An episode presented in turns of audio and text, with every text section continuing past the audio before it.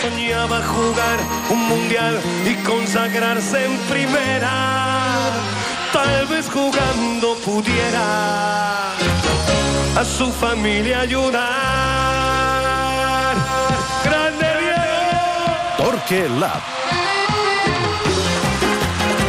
Passen 3 minuts de dos quarts de vuit del vespre. A veure com ho explico això sense que us penseu que m'he tornat boig. Quan ja hem analitzat com queda la Lliga, fins i tot hem fet volar coloms um, on i quan la podem celebrar, i ja hem quedat que del partit d'ahir podem treure les conclusions justes, avui eh, li he dit al Ricard. Ricard Torquemada, bona tarda. Bona tarda, Jordi. Arran de les últimes actuacions de Paulinho, tot i que no ha fet cap gol, que semblava que era la seva raó d'existir, m'ha semblat que no és tan malament. A La primera part d'ahir a mi em va semblar que déu nhi fins i tot diria que el partit de Màlaga no va estar gens malament tampoc. Vaja, que quan hem deixat de posar-lo a la banda i fer coses rares, doncs l'home d'interior més o menys se'n surt. Però he pensat, com que és evident que jo no sóc la persona més indicada per parlar de les virtuts de Paulinho, farem que el Ricard ens expliqui El mullo el Ricard. què és Paulinho més enllà del gol, perquè al principi de temporada els fans eh, tenien l'argumentari de mira, mira, 8 gols, ja no se'n recorda ningú de l'últim, per tant ha arribat el moment d'analitzar-lo com a futbolista i no com a golejador. Però, Pere, és molt important que el Jordi vegi millora, eh? Això vull dir que... Sí, que... de, de tota manera, en el camí, en el camí eh, per, per fer el text aquest de la millora, que li deu haver costat 3 hores escriure'l, en aquest camí no ha perdut l'oportunitat d'anar fotent-li hòsties. No és veritat. Vull dir, No és veritat. No, No, no, no, no, els 8 gols, que era el gran argument de molts, que, que Que ja l'últim no ja no se'n recorda. ningú. Bueno, És una frase teva, no? tu, tu recordes l'últim gol de Paulinho? No. Veus? Sí, l'hauríem de buscar, eh? Fa molt. Eh? Però li recordem l'única l'última oportunitat. Sí, es va quedar en aquells, en, es va quedar en aquells 8 gols de, de la Lliga.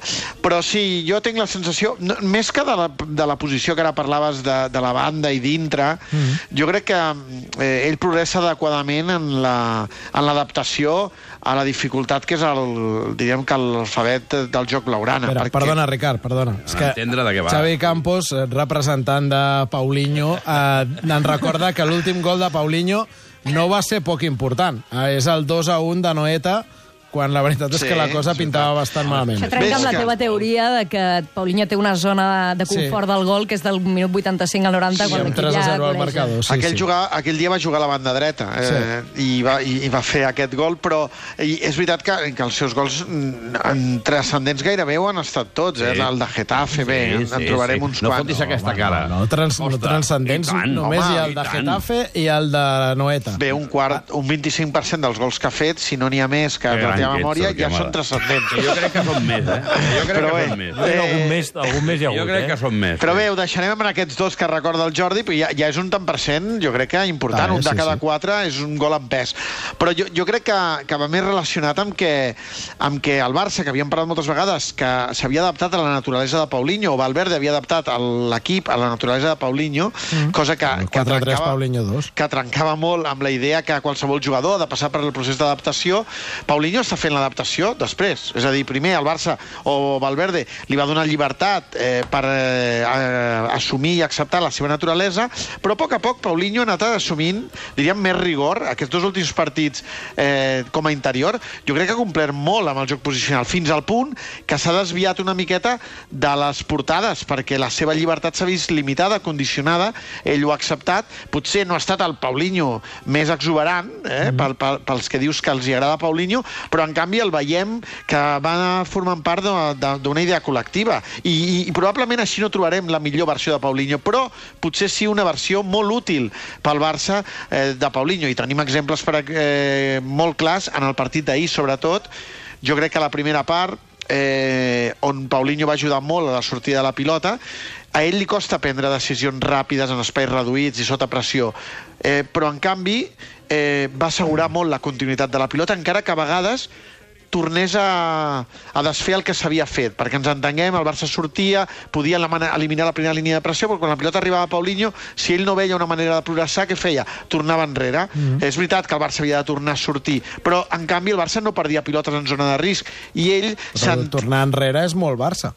Clar, i ell sentia que era una manera de donar continuïtat, una cosa que ell no hi està acostumat, perquè, mm -hmm. com sabem, ell és un jugador molt vertical que si pogués desfer la pressió amb una conducció ho faria. I tant el partit de Màlaga, que, on no va estar tan exigit, però que jo crec que va fer una primera part fantàstica, eh, amb, al, al, al racó de Coutinho i Jordi Alba es va entendre molt bé aquest triangle, com ahir, on jo crec que no va ser brillant en la seva expressió, però que en canvi va, va estar molt concentrat en, en complir amb les obligacions que té un migcampista. És a dir, que progressa adequadament i jo crec que va avançant en la idea d'adaptar-se al Barça. Això potser el desvia, però, de la seva naturalesa més eh, salvatge, que era una cosa que el Barça, en aquest primer de part de temporada, li havia donat molt rendiment amb gols i arribades. Ara selecciona més. El desvia de, del gol, però ahir Vaja, jo li recordo la, la conducció en la jugada del 2 a 0, diria que és seva, després Sí, de la recuperació. sí. I la passada en la rematada aquella que va fer Coutinho mig, eh, mig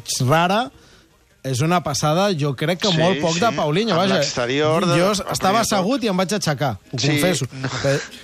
Home, allò és molt, molt delicat per ell, Sí, no? sí, va ser una, una, una passada amb l'exterior, eh, a l'espai. Jo crec que no és la passada perfecta pel receptor, Vaja. perquè és una passada que, que, Estem molt contents. que puja i baixa molt, però és que a ell no li podem demanar que sigui especialment delicat. Va ser precís amb aquesta passada. El que vull dir és que aquesta passada Coutinho l'obliga a fer un salt de... Sí, sí, no- no és de una ca- rematada còmoda, De cara té per, per, per intentar completar l'acció.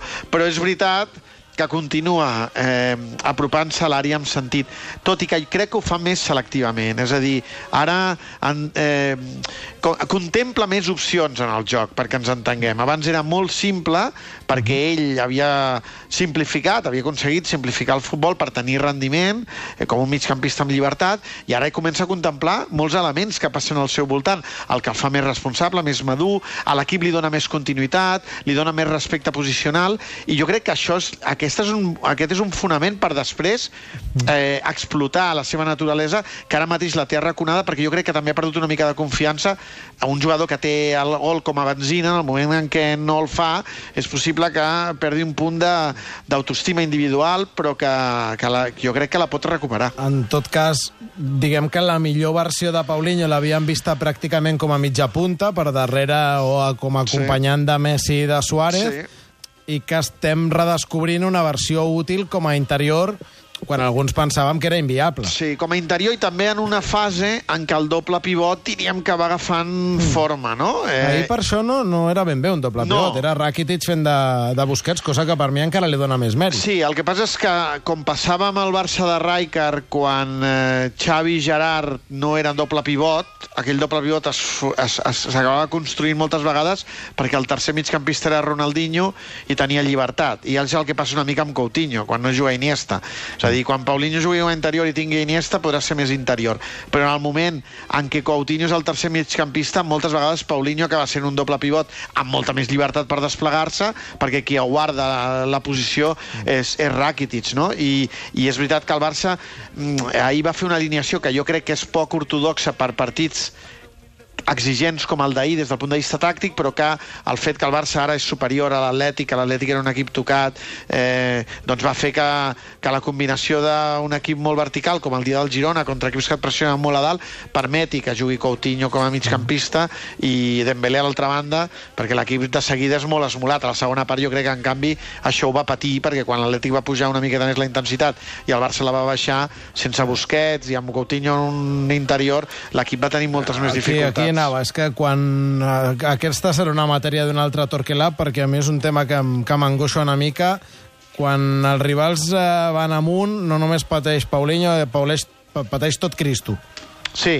Ja- Va- ja en parlarem, ja en és parlarem Un equip, amb- És un equip que pateix i jo crec que algunes de les... Eh, de les estructures, diríem, o dels jugadors o dels eh, individus que compleixen amb alguns rols, a vegades ajuden a que l'equip se senti més còmode en, en llarg, en vertical, que no pas en horitzontal. I això, quan et venen a buscar, eh, pot sortir molt bé, però és com un boomerang, eh? El llences i de cop i volta torna amb més velocitat, que és el que li passa al Barça en alguns partits que, que està patint per sortir. Edu, Pere, veieu aquesta Paulinho 2.0, per dir-ho d'alguna manera, amb aquesta immersió en el llenguatge Barça? eh, eh, Incipient. quan, quan ha començat a explicar-ho el, el Ricard, m'ha fet molta gràcia que ha començat precisament per això, no? Mm, Per, per, per, per com aquest noi es va acomodant i va entenent i va millorant, diguem-ne, que l'idioma que, que juga en aquest equip. eh, jo, honestament, no m'havia plantejat mai que aquest també ho havia d'entendre. Ja ho donava per perdut, saps què vull dir? Per la seva manera de jugar. Però, però no, no, no. I això el farà millor. Eh, jo, Ta- jo També et espero- dic, Pere, que és doblement difícil perquè aquest equip parla un dialecte més que un idioma. Exacte, no, l'idioma aquell que coneixíem ja no, ja no Això el parla. S'ha anat, anat eh, diguem Ja és allò, fonent. però canvien paraules Sí, i... s'ha anat fonent, s'ha anat fonent. Ja no és el llatí culte, s'ha anat fonent. Ara estem parlant una altra cosa. Jo crec que- No, és veritat. El Barça Sí, ja sí. no parla llatí, és un gran, és un titular d'article. No, però és veritat. S'ha anat quedant amb el que s'ha quedat i, i molt bé, doncs escolta, pensa una cosa, eh? Parlant com parlen aquests, eh, continua sent un idioma de càtedra, veient el futbol que hi ha pel món. Per En tant, i determinats és, moments, que, i, i és el que jo em quedo, eh? Claríssim, i més mentre hi hagi jugadors com Busquets i Piqué que t'obliguen a parlar allò que parlen ells, eh? Exacte. No, i que jo crec que- Saben. Paulinho cada cop domina més l'idioma Barça, però és que el Barça també comença a dominar l'idioma Sí. Paulinho, perquè el joc del Barça Hòstia, ara m'has- m'has- No. estàs espantant. el joc del Barça també ha canviat respecte a les últimes temporades. Mm. Ja amb Luis Enrique sí, sí. ja va canviar una mica, i ara ha acabat de canviar aquest any. I s'acosta una mica, s'apropa una mica més al joc de Paulinho. Tots dos es troben a mig camí. No, i el al drama final és que, és que això també vol dir que s'allunya de- d'aquell eh, llenguatge d'adaptar. culte que teníem. T'adaptes, és un altre llenguatge, t'adaptes. A, a vegades adaptar-se també Ahir, és ahir ho parlàvem eh? al Clubés, al, al Tot Gira. Tots, tots hi comparem amb el Barça de Guardiola del 2009 o el 2011. Allò no ho tornarem a veure mai més. Mm. Si tots ho tenim idealitzat i tots ho comparem, però allò no, allò no passarà mai més. Perquè ni, ni, ni l'equip serà el mateix, ni tindràs aquells jugadors. Però saps Llavors, què passa? Dins de, dins del que tens, ahir marquen un gol després de tocar-la dos minuts. Edu, que no Contra dic- el Chelsea també, també fan coses. Que, que no ho discuteixo i que estic encantat de la vida i que guanyaran la Lliga i que i, i espero que guanyin la Copa i estic feliç i, i, i crec que ho he demostrat des del primer dia aquí eh, quan, quan dubtàveu tant jo us demanava sí, sí. temps i, i he sigut sempre molt El optimista. Pere no és dubtós. Però, però dit sí, tot però això, no, no, vull dir-te que jo sóc feliç amb això, però dit tot això, dit tot això, jo no vull renunciar a tornar a parlar bé. M'entens el que vull dir? Però és que I m'agradaria que estés aquí bé. Guardiola. No, ho- Seguim perdó. parlant bé. No, jo sóc un molt mal parlat. Una merda. és veritat. M'agradaria que estés aquí Guardiola i que, i que Però... Iniesta jugués 10.000 anys a futbol i Messi i Busquets i, i Xavi tornés i estés al nivell que estava. Jo i això ja sé que és impossible, però la única manera de que això tiri endavant és creure'ns-ho. I tinc la sensació de que de mica en mica hem anat deixant de creure'ns-ho i ens hem anat acomodant per mandra eh, perquè és més fàcil portar algú i ajustar el nostre futbol a aquest algú que, que, que jugar amb algú que no tingui el valor que tenia el que tenia, però que continuï parlant el llenguatge bé. I com tinc aquesta sensació, m'emprenya. O sigui, és l'únic núvol que enfosqueix, diguem-ne, el meu optimisme. Jo crec que respecte a la visió optimista de l'Edu, que està bé que li veiem les virtuts a Paulinho, però que Paulinho hauria de ser la raresa, l'excepció, aquest futbolista exòtic que tenim dins la Però és plantilla. que ja ho és, i l'han fitxat perquè és Exacte. diferent i perquè buscaven però aquest no, perfil. Però no intentar acostar-nos nosaltres al seu idioma, sinó que tenir-lo eh, com això, un punt aïllat que hi ha a la plantilla i que resulta útil Però per també moltes t'has coses. d'acostar al de Coutinho, que també és, és diferent i és un jugador que ens encanta, però també és un llenguatge diferent. Però ja vas- S'acosta més, però també és diferent. I també el Barça l'any que ve haurà de fer un petit canvi per introduir Coutinho ja integrat bé com a titular i que sigui una peça bàsica de l'equip. I ell però- també haurà de fer un esforç, Ah, perquè també, de moment, també, eh? Passa? de moment eh, l'haurem d'enviar al logopeda, també. Això, això s'acosta perillosament a un equip extraordinari, extraordinari, perquè ho és, que, es, que té jugadors extraordinaris, que es diu Real Madrid, que és igual al tipus de jugador que vingui, encara que li falti una cama, perquè mentre sigui un bon jugador, no té problema, podrà entrar al minut zero a jugar amb aquella gent i fotre un bon partit, perquè com no juguen a res, concret, no tenen aquest problema. Això és diferent, Pere. Jo, és diferent. ah, pues per això jo, No, jo dic- defenso l'essència. Ja, digue'm nostàlgic. Els nostàlgics, Digue'm sí, sí. acabat. Digue'm el que... El- Ja, T'ho compro tot. Has, has començat sent l'optimista i, i has acabat venint a, a engruixir No, perdona, el grup dels nostàlgics. Un optimista nostàlgic. No, però- un- Gent que, un anem, optimista. gent que anem pel carrer Torna amb el capot, Costa. buscant un logopeda, però no ens acaba d'agradar cap. Torna a preguntar-li si està la Lliga guanyada. No, Bé. escolta, m'agrada molt la metàfora de, de, la, de la llengua, però jo crec que el Barça ha tingut la sort que els entrenadors que han vingut últimament eh, tenen un compromís amb la defensa de, de, de la llengua. Una altra cosa és que l'hagin de compatibilitzar també amb que el missatge arribi. Els nens petits que no saben parlar mm. poden intentar parlar, però tenen la mateixa eh, necessitat de defensar un llenguatge com de fer efectiu el missatge, perquè mm. si no, no serveix de res parlar molt bé si després no et fas entendre. I jo crec que el Barça està aconseguint amb aquests entrenadors trobar aquest punt d'equilibri perquè mentre no hi hagi el talent, diríem, que, que, que una generació eh, va tenir, eh, mentre el futbol base no produeixi futbolistes que puguin agafar el relleu i puguin continuar, eh, i, i, no vull, i no vull dir amb això que la planificació esportiva del Barça les últimes temporades hagi estat impecable, ni molt menys, eh? Més aviat tot el contrari, sí. Però, però jo crec que, que els entrenadors que ha tingut el Barça mm. han, han aconseguit trobar l'esforç, eh, tr trobar, trobar l'equilibri de la defensa d'aquest llenguatge blaurana. I ara ho diu el Ledu.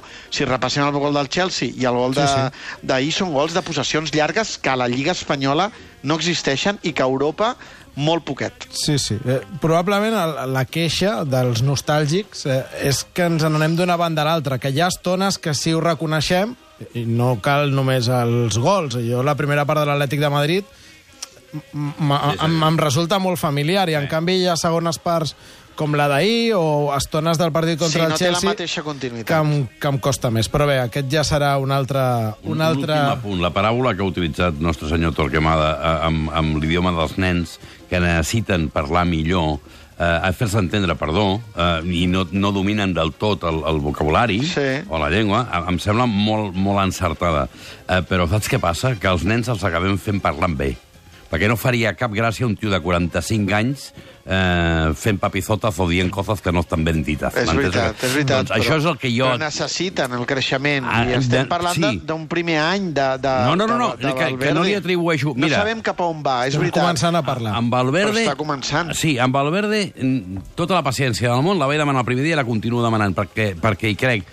Però amb Luis Enrique no em va passar. Perquè... Ja, però és que amb Luis Enrique, ara no entrem en el tema Luis Enrique, jo crec que Luis Enrique va haver de passar un peatge un peatge llaminer, atractiu, que és el Trident. Eh, Valverde va arribar Sí. i Neymar va marxar. I des d'aquí pots construir, jo crec, perquè, perquè ja no tens una hipoteca de tres davanters espectaculars que t'estiren i no vull tornar a explicar el que vaig estar explicant durant un any, però que per mi el futbol modern fuig dels tridents i la gent que, els equips que no tinguin aquesta eh, percepció, jo crec que estan perdent el temps. Eh, Paris Saint-Germain s'ho ha de començar a mirar, perquè Zidane el que està fent constantment, ho va fer a final de temporada passada i ho està fent ara, és fugir d'un trident que estava establert com la BBC i com una marca, per alguna cosa serà. La màgia del futbol és que comencem parlant de Paulinho i acabem parlant de logopedes, de llatins i de papissots. Això només pot passar al Torquelab. Ricard, gràcies. Adéu!